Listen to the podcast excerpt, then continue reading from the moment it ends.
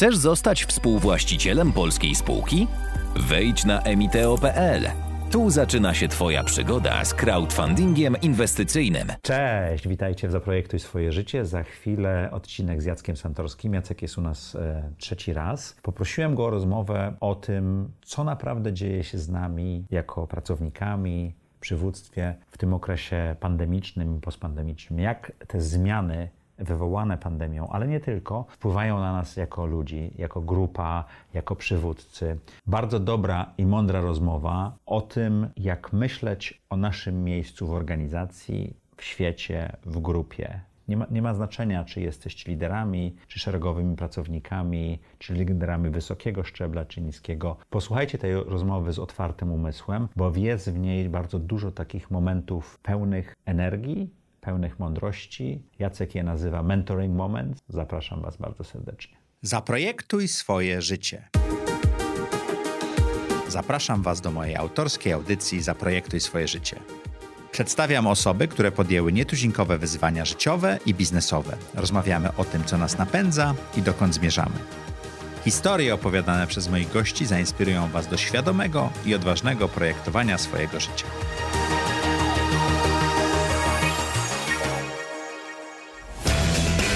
Najlepsze zmiany zaczynają się od wewnątrz. Stosuję tę zasadę w biznesie i życiu osobistym. Urządzając nowe studio, zadbałem o to, aby nasze wnętrze było estetyczne i praktyczne. Panele od Good for Wall zapewniają idealne wyciszenie podczas nagrań, cieszą oko i są łatwe w montażu. Sprawdzają się idealnie w studio, w biurze, jak i w domowym zaciszu. Zaprojektuj swoją przestrzeń z Good for Wall.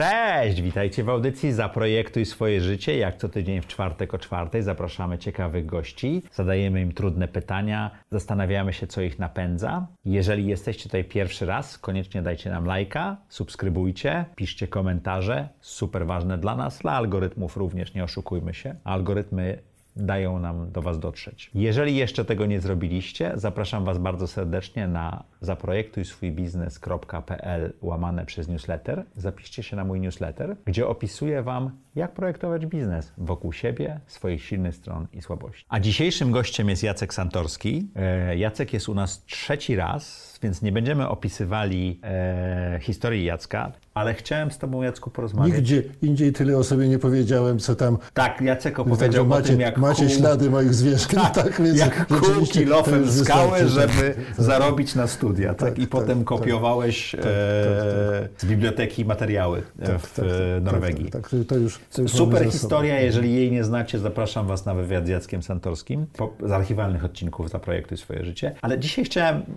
przepraszam, że nie o Tobie, bo, bo możemy to rozwinąć, ale porozmawiać trochę o przywództwie. ja to... się bardzo cieszę, że y, nie o mnie. Będzie łatwiej? Bo, y, nie, po prostu y, naprawdę doświadczam ulgi, gdy mogę się zajmować nie sobą. to muszę powiedzieć, że to jest pewna mądrość wieku, bo jak rozmawiam z młodszymi gośćmi, to oni często chcą rozmawiać o sobie. Tak, tak. No, to, no tak, tak. tak. Ja to tak odbieram. No tak, ten wiek jest już sędziwy, także pora, żeby mieć trochę inne priorytety niż ja. E, Jacku, chciałem z Tobą porozmawiać o, o tym, jak zmienia się przywództwo w ciągu nawet nie ostatniej nie wiem, dekady czy, czy, czy 50 lat, tylko ostatnich miesięcy, bo, bo zmiany, które następują, które po części wywołała pandemia, ale też kryzys ekologiczny i to wszystko, mają olbrzymi wpływ na to. Pokolenia, które się zmieniają, które zupełnie inaczej były wychowywane, wchodzą na rynki pracy europejskie i rynki pracy północnej półkuli, powiedziałbym w ten sposób, zupełnie inaczej podchodzą do świata. Jak zmienia się przywództwo w tej erze, nazwijmy ją postpandemiczną czy pandemiczną. No, zapraszasz mnie czasem po to, żeby był jakiś czynnik pod prąd, więc tak. też powiem Ci tak trochę prowokacyjnie i przekornie, odwołując się do wspólnego naszego autorytetu, mhm. profesora Manfred Ket de Vries. Otóż y, w Twoim pytaniu jest zaszyte y, założenie, tak zwana presupozycja, że mamy tu do czynienia z ciekawymi i dobrymi zmianami. A y, y, jestem pod dużym wrażeniem, abstrahując od moich doświadczeń i obserwacji, y, też od roku, z konstatacji profesora Manfred de Vries, który przez kilka dekad na ISA no, zajmowała się rozwojem psychologicznym top menadżerów, ale było to jednocześnie zanurzone w bardzo mocnych studiach biznesowych i MBA. On poprzez nich ma dostęp do różnych miejsc, w których oni pracują mhm. na świecie. Mógł zbierać różnego rodzaju y, y, relacje, y, też dobre praktyki, nowe odkrycia, ale też troski i inne obserwacje. Równo rok temu napisał niebywały esej o takiej drodze przez koronawirusa w biznesie. Według profesora De Vriesa odpowiedź na Twoje pytanie brzmi, jak się zmienia biznes że, i przywództwo, że się polaryzuje. Mhm. I profesor De Vries jak pokazał, trochę, profesor nie? De Vries pokazał wiele praktycznych i prawdziwych y, przykładów, że na przykład jeżeli przyjmiemy, że w warunkach stresu, niepewności, zwłaszcza tych pierwszych miesięcy pandemii, ale potem też trudności związanych ze zmianami, z trudnością przystosowania, ciągle jednak z różnymi niejasnościami, turbulencjami społecznymi, które są wokół tego, ekonomicznymi. Jeżeli ludzie wchodzą w fazę niepokoju, który się utrwala, to dla bardzo wielu y, liderów, może nie bardzo, ale dla wielu liderów, którzy mają określone skłonności charakterologiczne y, i psychologiczne, jest to okazja, żeby utrzymać ludzi w tym niepokoju i żeby, mówiąc kategoriami profesora De Vriesa, y, korzystać i czerpać z ich regresji. Czyli zarządzanie przez strach. Czyli zarządzać przez strach, przez, przez stereotypy, przez to wszystko, co możemy mówić z głęboką troską na temat tego, jak działają y, liderzy polityczni, populistyczni, może mieć też miejsce w firmach i w organizacjach. Mhm. I taki miks strachu, uwodzenia, zwodzenia, te wszystkie polaryzacje, swoi dobrzy, inni wstrętnie źli, prawda? Albo już bardziej zaawansowany stereotyp, ale jednak ciągle stereotyp prześladowców, wybawicieli i ofiar. I profesor De Vries pokazał, jak bardzo wielu liderów, nie tylko społecznych, politycznych, ale też niestety biznesowych, ulega tej pokusie mhm. i przynajmniej przez jakiś czas, tam gdzie jest prostsza, bardziej powtarzalna produkcja, albo gdzie są jednak zamówienia układy na, oparte na układach, czy na, na, na, na układach państwowych, czy jakichś wielkich lobbystycznych. Po prostu możemy spotkać czasem na y, kilku piętrach jednego budynku, ja to już wiem z doświadczenia w Polsce, liderów, którzy po prostu utrwalają w ludziach niepokój, zwiększają, y, zwiększając poziom y, makiawelizmu, terroru i manipulacji. To ma miejsce i to się dzieje. I to jest zjawisko, które profesor De Vries opisuje jako mające miejsce w bardzo wielu organizacjach. Ja nawet pamiętam rok temu w jednym z warszawskich miast spotkałem w windzie, byłem w firmie, której lider zapraszał już mnie do tego drugiego porządku, bo ten drugi porządek polega na tym, żeby tak dalece jak to możliwe zamortyzować niepokój ludzi, tak dalece jak to możliwe, żeby był containment, przyjęcie ich niepokoju, aby y, zapytać już w zdalnej... Czyli czy, jedno czy, jest czy wzbudzanie, drugie jest wygłuszanie. Pytać, tak? jak się czujesz i nie po to, żeby tylko zagłaskać i zwolnić, ale żeby nawet potem zapytać, jak dowieziemy, pomimo, że czujesz się zalękniony, ale że jesteśmy w tym razem. To za chwilę o tym powiemy, mhm. jak człowiek staje się i stał ważny dla bardzo wielu liderów i dla bardzo wielu organizacji, jakim to będzie osiągnięciem tego czasu. Ale spotkałem, jadąc do mojego klienta, który y, miał rozmawiać ze mną dalej, jak umacniać partycypacyjne elementy i wspierające kultury swojej firmy, rozpoznał mnie z mediów i mówi, a pan jedzie do tego romantyka, tak dalej. Y, wie pan co? Ja, ja panu powiem, panie Santorski, ja po prostu tnę koszty, y, co siódmego zwalniam, żeby i bez jasności kryteriów i po prostu nigdy nie miałem takich wyników. I tak patrzy, prawda? Patrzy, jak zareaguje. Powiedziałem mu, Ale że... krótkoterminowo na pewno nigdy miał takich wyników. Pytanie, co to będzie długoterminowo, No więc prawda? właśnie, niemniej miałem,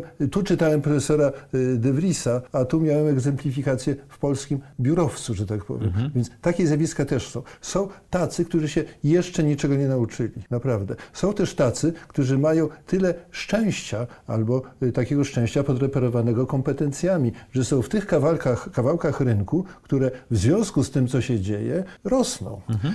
I to, to też może nie być bodziec do tego, żeby się uczyć, oduczać i uczyć na nowo. Więc to jest naprawdę sytuacja bardzo złożona. Ta, o której częściej i dobrze, że lepiej mówimy, ja też wolę o niej mówić. Wtedy to była jeszcze prognoza, przewidywałem to, to przewidywanie się sprawdza. Y, książkę i refleksję o przywództwie jutra. Biznes jutro i przywództwie jutro będzie jeszcze bardziej miało ten, ten geniusz i, że będzie i nastawione na cele oczywiście ekonomiczne, biznesowe i zarazem na człowieka, że będzie między shareholders i stakeholders, jak gdyby ta bariera będzie inaczej się rozpuszczała, inaczej definiowana. I to przywództwo jutra oparte, takie, o którym chcielibyśmy rozmawiać na tych doświadczeniach, to moim zdaniem w największym skrócie można powiedzieć, że ma dwa nowe atrybuty. Ilościowo, a w niektórych miejscach jakościowo. Jedną jest nowa rola krzemu, a drugą nowa rola białka. Nowa rola krzemu, że po prostu no, wiemy, jak firmy spłacały długi digitalne y, w ciągu trzech miesięcy, mimo że mieli programy na dwa lata. Prawda? Mhm. Jak się przestawiali z konieczności na, na różnego rodzaju, bo nie mieli wyboru. I jak to im posłużyło. Jak się z tym, w związku z tym y, oswoili, jak się z tym, tym ucieszyli. Prawda? I od tego już nie ma odwrotu i nie będzie odwrotu, że firmy są i będą bardziej przesączone algorytmami i tymi, które ludziom służą i technologiami. A z drugiej strony zarazem pierwiastek białka już, że jak nigdy dotąd odkryto, jak ważny jest człowiek. Że człowiek zatrwożony może być najwyżej przedmiotem manipulacji, żeby z niego wycisnąć wyniki przez najbliższy rok, a potem nie wiadomo, co się stanie. Natomiast, że człowiek zrozumiany, wsparty, uspokojony, może dać z siebie jeszcze więcej niż kiedyś dotąd, że można czasem integrować i łączyć przywództwo oparte na zrozumieniu, szacunku, też przywództwem wymagającym. I tu się pojawia, a jednocześnie coraz więcej elementów koniecznej w pracy zdalnej y, partycypacji, no bo jeżeli ktoś próbuje kontrolować pracowników pracy zdalnej i, i mieć kontrolę nad wszystkimi, może jeszcze mieć algorytmy, które pokazują, co kto robi, ruchy gałek ocznych, żeby pokazywać czy on jest teraz obecny, czy nieobecny, bo też, też są i, i takie, y, takie wynalazki, i takie pomysły. To on sobie na przykład uświadamia, że to jest nie do zrobienia. Nie, nie jest możliwe mikrozarządzanie przez Zooma, że trzeba więcej zaufać, więcej delegować, więcej, częściej rozliczać ludzi nie z tego, co robią, a Tylko z tego, co zrobią, prawda?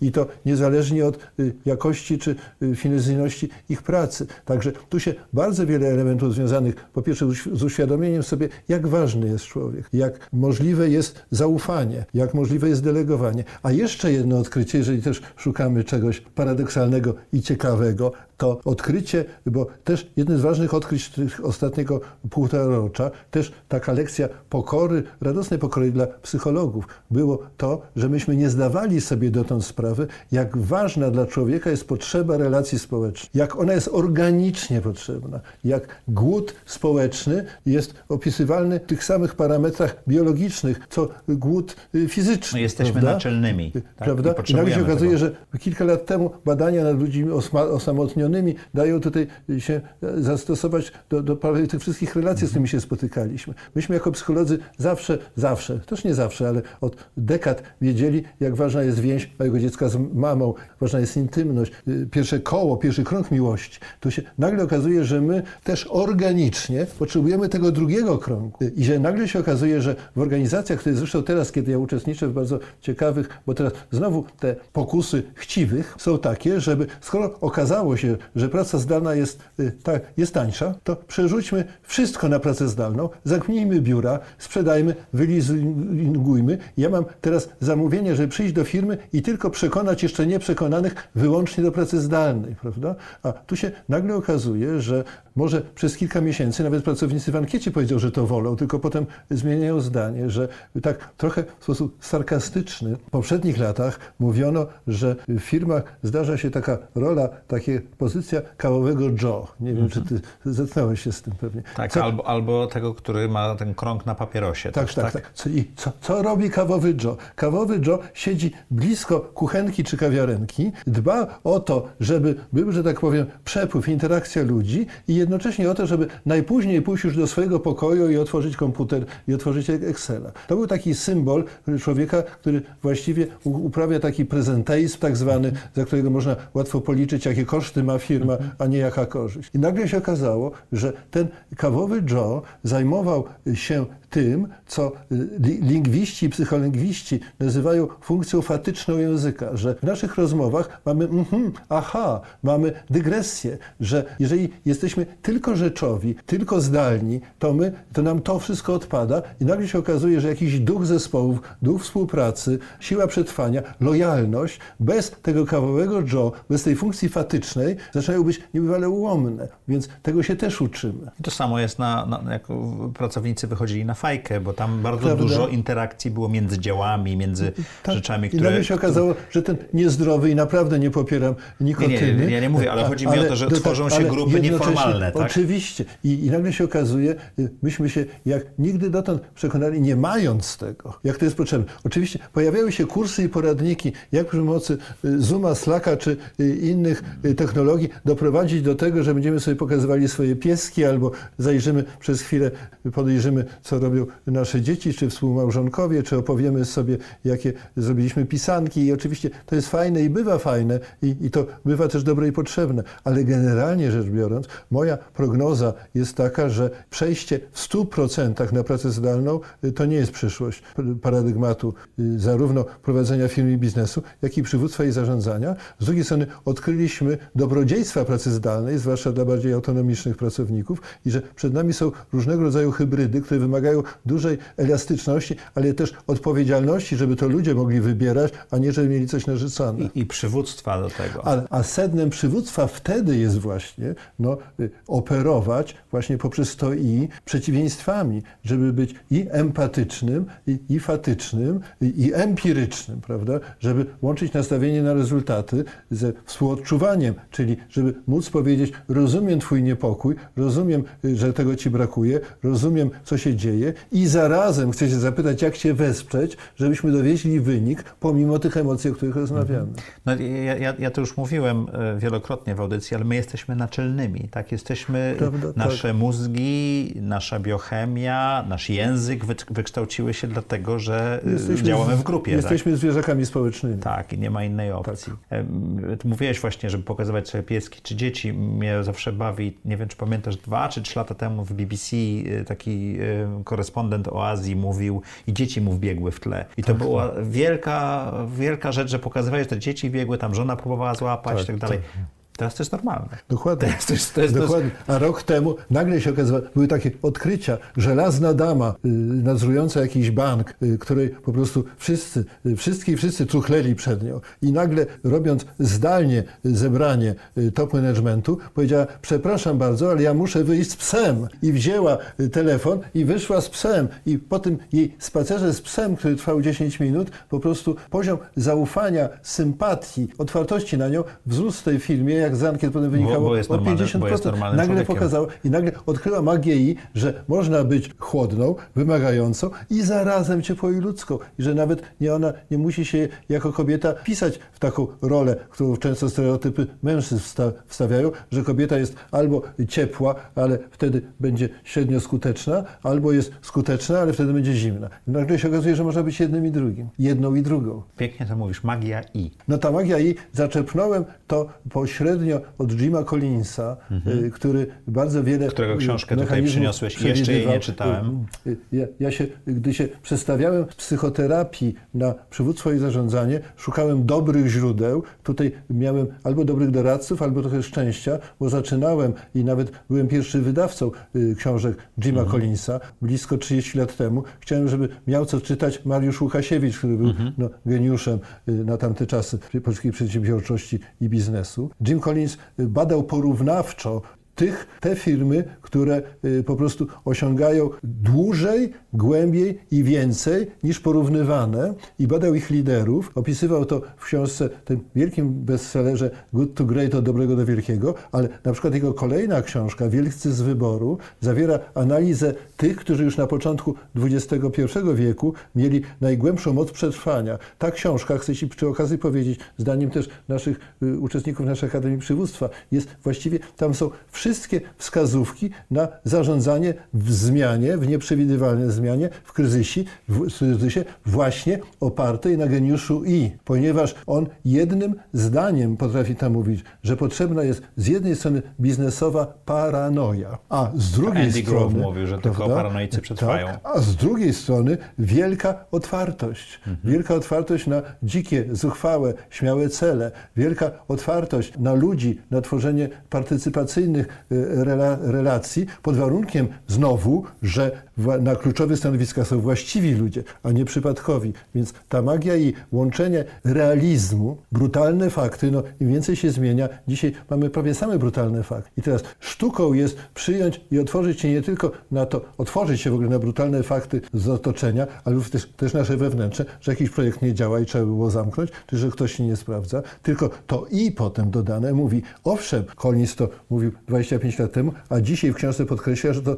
dalej się sprawdza jeszcze bardziej. Brutalne fakty i wiara zarazem. Jeżeli jestem pełen wiary, jestem naiwny, może prostoduszny, ale rzadko prowadzi do rezultatów. Jeżeli jestem zorientowany tylko na mierzenie się z tym, co brutalne, w sposób taki, no powiedziałbym już agresywny, cyniczny, a czasem zgorzkniały, też daleko to nie zachodzi. Można nagle łączyć realizm i wiarę, prawda? Ja swoją książkę i złożyłem z takich, y, poszukałem takich właśnie kompetencji, takich doświadczeń, takich działań, w których lider integruje pozorne przeciwieństwa, to wymaga otwartości umysłu. Mhm. Wspieram się bardzo modelem wszechstronnego przywództwa, które genetycznie zakłada, że lider i teraz, jeżeli pytasz mnie o przywództwo jutra, to też mam poczucie, tutaj nie zawiodła mnie może intuicja, a może to było też szczęście i zbieg okoliczności. Myśmy licencję na model wszechstronnego przywództwa i na badanie 360 stopni do, do zdefiniowania, na ile jestem wszechstronny, na ile dopełniam przeciwieństwa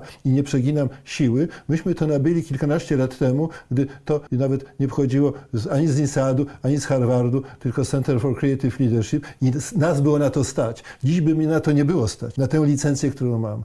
Licencję też studujemy to w Akademii Wszechstronnej, w Akademii, chciałem powiedzieć, może to nowa nazwa, w Akademii Psychologii Przywództwa. Mhm. Akademia Psychologii Przywództwa staje się Akademią Wszechstronnego Przywództwa. Przywództwo jutra to jest łączenie z jednej strony empatii, delegowania, słuchania, współbrzmienia i zarazem wymagania, egzekwowania pewnej y, nawet takiej stanowczości i otwartości. I opierania się na strategii, zadawania ciągle pytań o strategię, a na, ponieważ strategia się elektrycznie zmienia, to purpose. I zarazem pewnej uwagi, a nawet pokory wobec poziomu operacyjnego, prawda? Lider jutra nie jest tylko operacyjny y, albo y, wynajduje najlepsze możliwe algorytmy. Jest i nad organizacją jej procesami, i wy. Jest i operacyjny, i strategiczny. Jest i angażujący, i wymagający. Teraz razem twórcą metody tej, tej, tego modelu Versatile Leadership w naszej korespondencji, to widać też na naszej platformie app.santowski.pl, on o tym pisał, Rob Kaiser, zwrócił uwagę na fenomen, w jaki sposób szef Pfizera doprowadził do tego, że firma w 8 miesięcy ukończyła procesy nad szczepionką, na które przewidywano 2,5 roku. On był człowiekiem słynącym z tego, że prowadzi bardzo otwarte przywództwo, otwarte relacje, ma zawsze otwarty gabinet. Mówił tylko w ramach tej swojej przyjacielskiej doktryny. Wiecie co?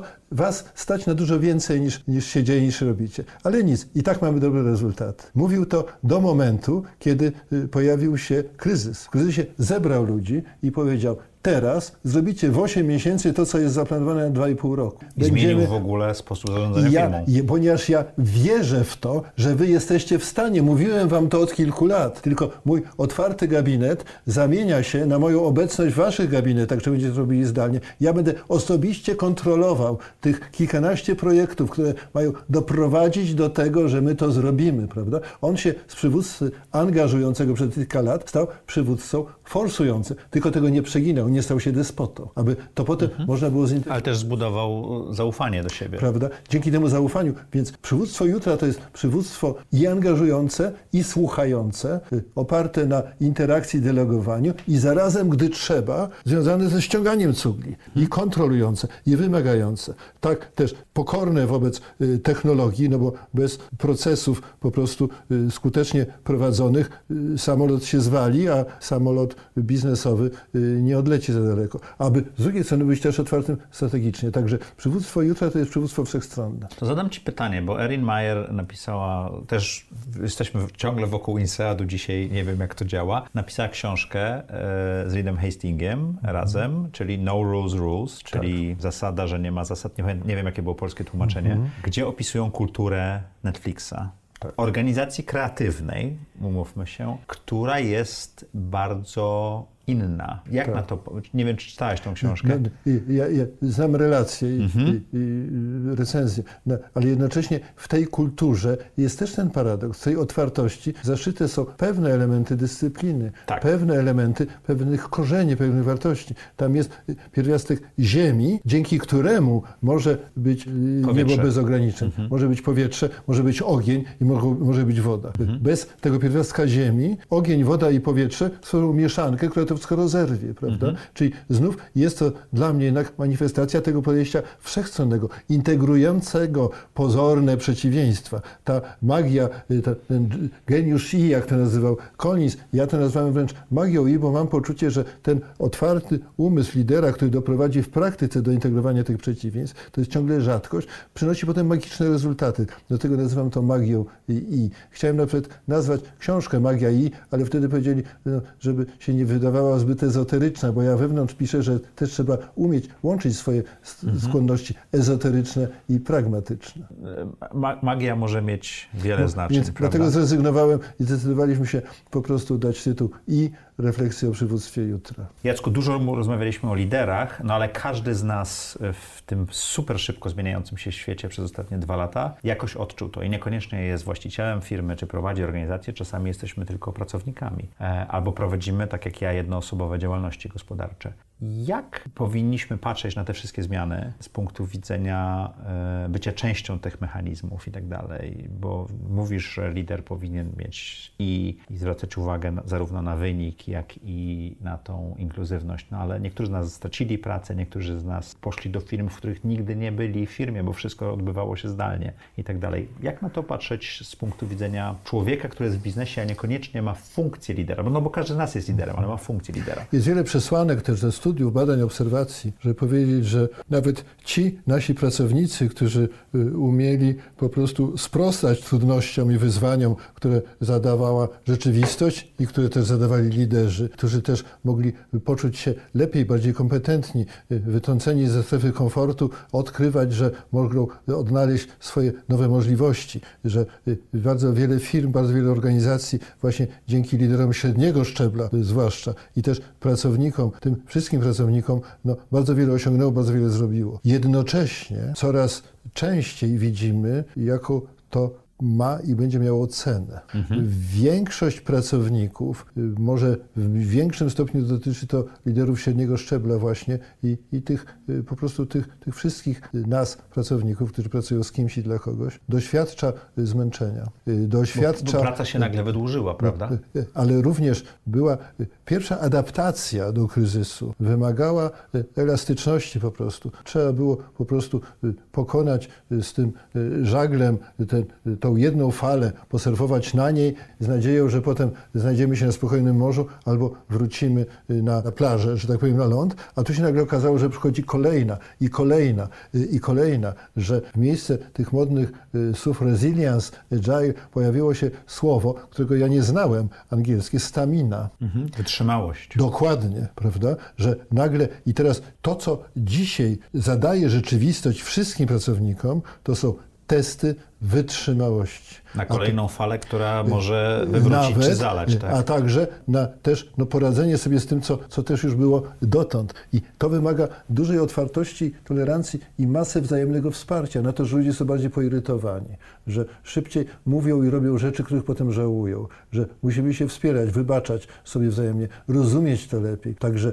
powiedziałbym tak, że niezależnie od tego, jaki jest los danego pracownika, bo, bo taki jest los jego firmy, jego branży, jego kompetencji. Wszyscy temu podlegamy. No a dodatkowo są takie sytuacje, że ktoś pracuje w tych branżach, że może wybierać, że teraz nie będzie zarabiał 40 tysięcy złotych, tylko 40 tysięcy dolarów, tylko musi mały problem lojalności pokonać, prawda? I jeszcze odejdzie z trzema kolegami do innej firmy. A są tacy jednak, gdzie wszystko się kurczy, wszystko gdzieś tam się, albo liderzy nie zawsze oświeceni, mówiliśmy o nich poprzednio, nastawieni są na redukcję kosztów. Mi się wydaje, że, a, a to nie jest łatwe, to nie jest łatwe, bo ludzie mają różne formacje wewnętrzne. W gruncie rzeczy dobrze by było, żeby każdy pracownik miał batnę, żeby mógł sobie Batna przejść to jest najlepsza alternatywa do... negocjowanego kontraktu, Tak. a tutaj ta batna jest pewnego rodzaju metaforą, żebym ja wiedział, co ja zrobię, gdzie pójdę, co zrobię ze sobą, co zrobię z innymi,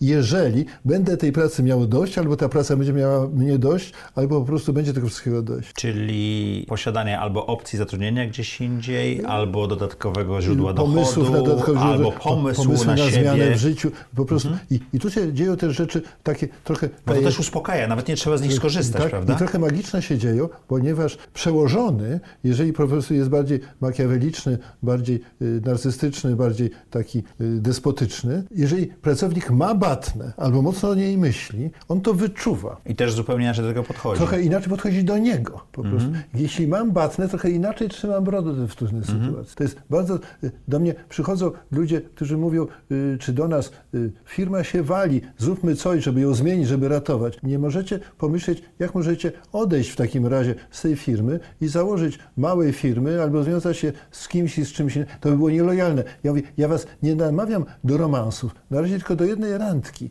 z tą nową rzeczywistością. Y, To jest takie ćwiczenie mentalne, ale które zalecam wszystkim. Je można zrobić na każdym szczeblu. Pani, która siedzi na straży y, miejsca, y, w którym się dzisiaj spotykamy i która nie miała dzisiaj dobrego dnia y, i musiałem czekać pół godziny, aczkolwiek sobie pokon- po- pokontemplowałem, też pewnie gdyby miała batnę, to pewnie byłaby inaczej zmobilizowana, bo albo by sobie zdawała sprawę, dlaczego jej zależy na tej pracy, albo byłaby gdzie indziej. Ale każdy z nas może coś takiego stworzyć, prawda? Teoretycznie tak. Praktycznie jest to trudniejsze. No jest to też, bo jest to jakoś wymagające. No ale wiesz, no, między innymi po to nagrywam e, już ponad 100 odcinków, ponad 130 już chyba w tej chwili odci- odcinków audycji Projektu Swoje Życie, żeby pokazać te modele, jakie ludzie sobie stworzyli, No tak? więc właśnie, no. Bo to wy- wystarczy posłuchać kilkanaście, kilkadziesiąt takich odcinków i coś do nas przyjdzie. No i to dla kogoś może być inspirujące. Więc nawet jeżeli to nie jest dla wszystkich, to niech będzie dla tych, którzy y, to złapią. Niech to po- pojęcie Batna z Harwardzkiej Szkoły Negocjacji tu jako metafora, bo chociaż z drugiej strony tu chodzi o y, negocjacje. Tak jak jeden z bohaterów y, mojej y, książki, znaczy naszej książki y, o liderach na morzu, bo w międzyczasie miałem taką dygresję w swojej działalności, że odbyłem rozmowy z liderami morskimi, żeby zorientować się, jak to się tam dzieje, gdy już mamy tam prawdę, prawdę żywiołu. Jeden z liderów tej książki powiedział, że z żywiołem się nie negocjuje, Bo nie można. prawda? Y, To przywództwo na morzu i na lądzie, tak? to Czym trzeba się różni? y, przyjąć i zarządzać sobą i sytuacją, prawda? Mhm. Więc gdzieś są granice negocjacji. Natomiast można zasięgnąć y, z tych modeli negocjacyjnych taką koncepcję, że dobre przygotowanie do negocjacji to nie są tylko argumenty, to nie są y, tylko chwyty negocjacyjne, to jest też świadomość, co zrobię, jeżeli to się nie powiedzie. I to nie o to chodzi, żeby to było takie y, myślenie, które mnie pogrąży, o dobrze, to skoro ma mi się nie udać, to ja już zanurzę się w myśleniu, że ma mi się nie udać. Ja oddelegowuję 10 minut na pomyślenie o tym, co bym zrobił, gdyby to się nie wiodło. Mam poczucie, że oprócz rodziców, dzieci i tych, których bardzo głęboko kocham, to mogę mieć batnę na wszystko i wszystko. To ja może dodam jedną rzecz, którą nauczyłem się również na INSEADzie, bo ten INSEAD wychodzi y, w naszej rozmowie non-stop, e, na kursie negocjacji, bo batna jest bardzo ważną rzeczą. Ty mówisz, żeby wiedzieć, co się stanie, jak negocjacje nie wyjdą, a rzecz, która była dla mnie super odkrywcza na tych zajęciach, co wiedzieć, jak wyjdą. Jak dalej negocjować, jak już dostaniemy to, co chcemy. Bo to jest y, niesamowicie silna pozycja negocjacyjna, czyli dostajemy swoją podwyżkę i tak dalej, Tak. ale to nie znaczy, że musimy prze- przerwać negocjacje, bo możemy dalej kontynuować i zobaczyć, gdzie nas to zaprowadzi. Tak? I to samo odkrywając y, swoje Na miejsce. przykład do modelu pracy, y, od zmiany wynagrodzenia do zmiany modelu pracy. Tak, jedną z ciekawych Czy rzeczy, którą ja się na, nauczyłem 30 Bardzo parę lat ciekawe. temu od znajomych z, e, ze Skandynawii, Skandynawii. Jeżeli nie możesz dostać pod, podwyżki, to poproś o więcej, o ty, dodatkowy tydzień urlopu. To też jest podwyżka, no bo za, za te tak. dni, które robisz, to wszystko jest możliwe. Tak? Zamiast podwyższać, obniżać cenę, można utrzymać cenę, a dać więcej wartości dodanej. I to jest rewers takiego zjawiska. Dokładnie. No to tak jak wszyscy, którzy pracują z audycją tak. Zaprojektuj swoje życie, no to my, my, nie mamy urlopów i tego typu rzeczy. Jak ktoś potrzebuje zniknąć, to znika i, i to jest normalne.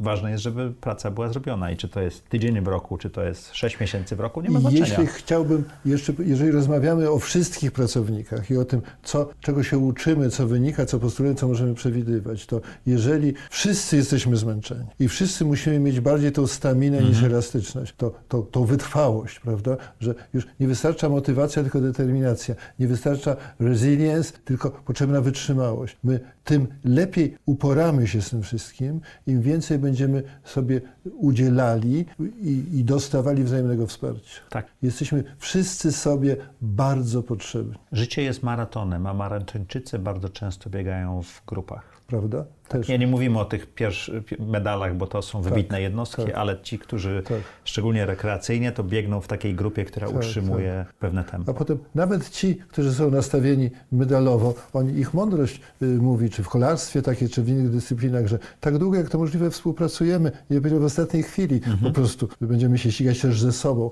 a póki co świetnie współdziałamy. To jest znowu magia i, mhm. i, i, i, i współdziałanie, y, i współzawodnictwo. Dziękuję Ci ślicznie. Dziękuję. Do kolejnego spotkania. Do kolejnego spotkania.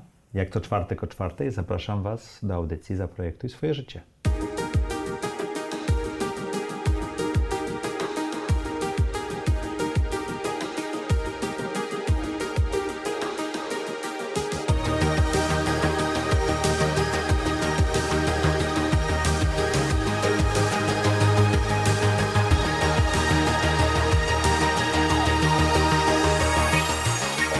Zaprojektuj swoje życie.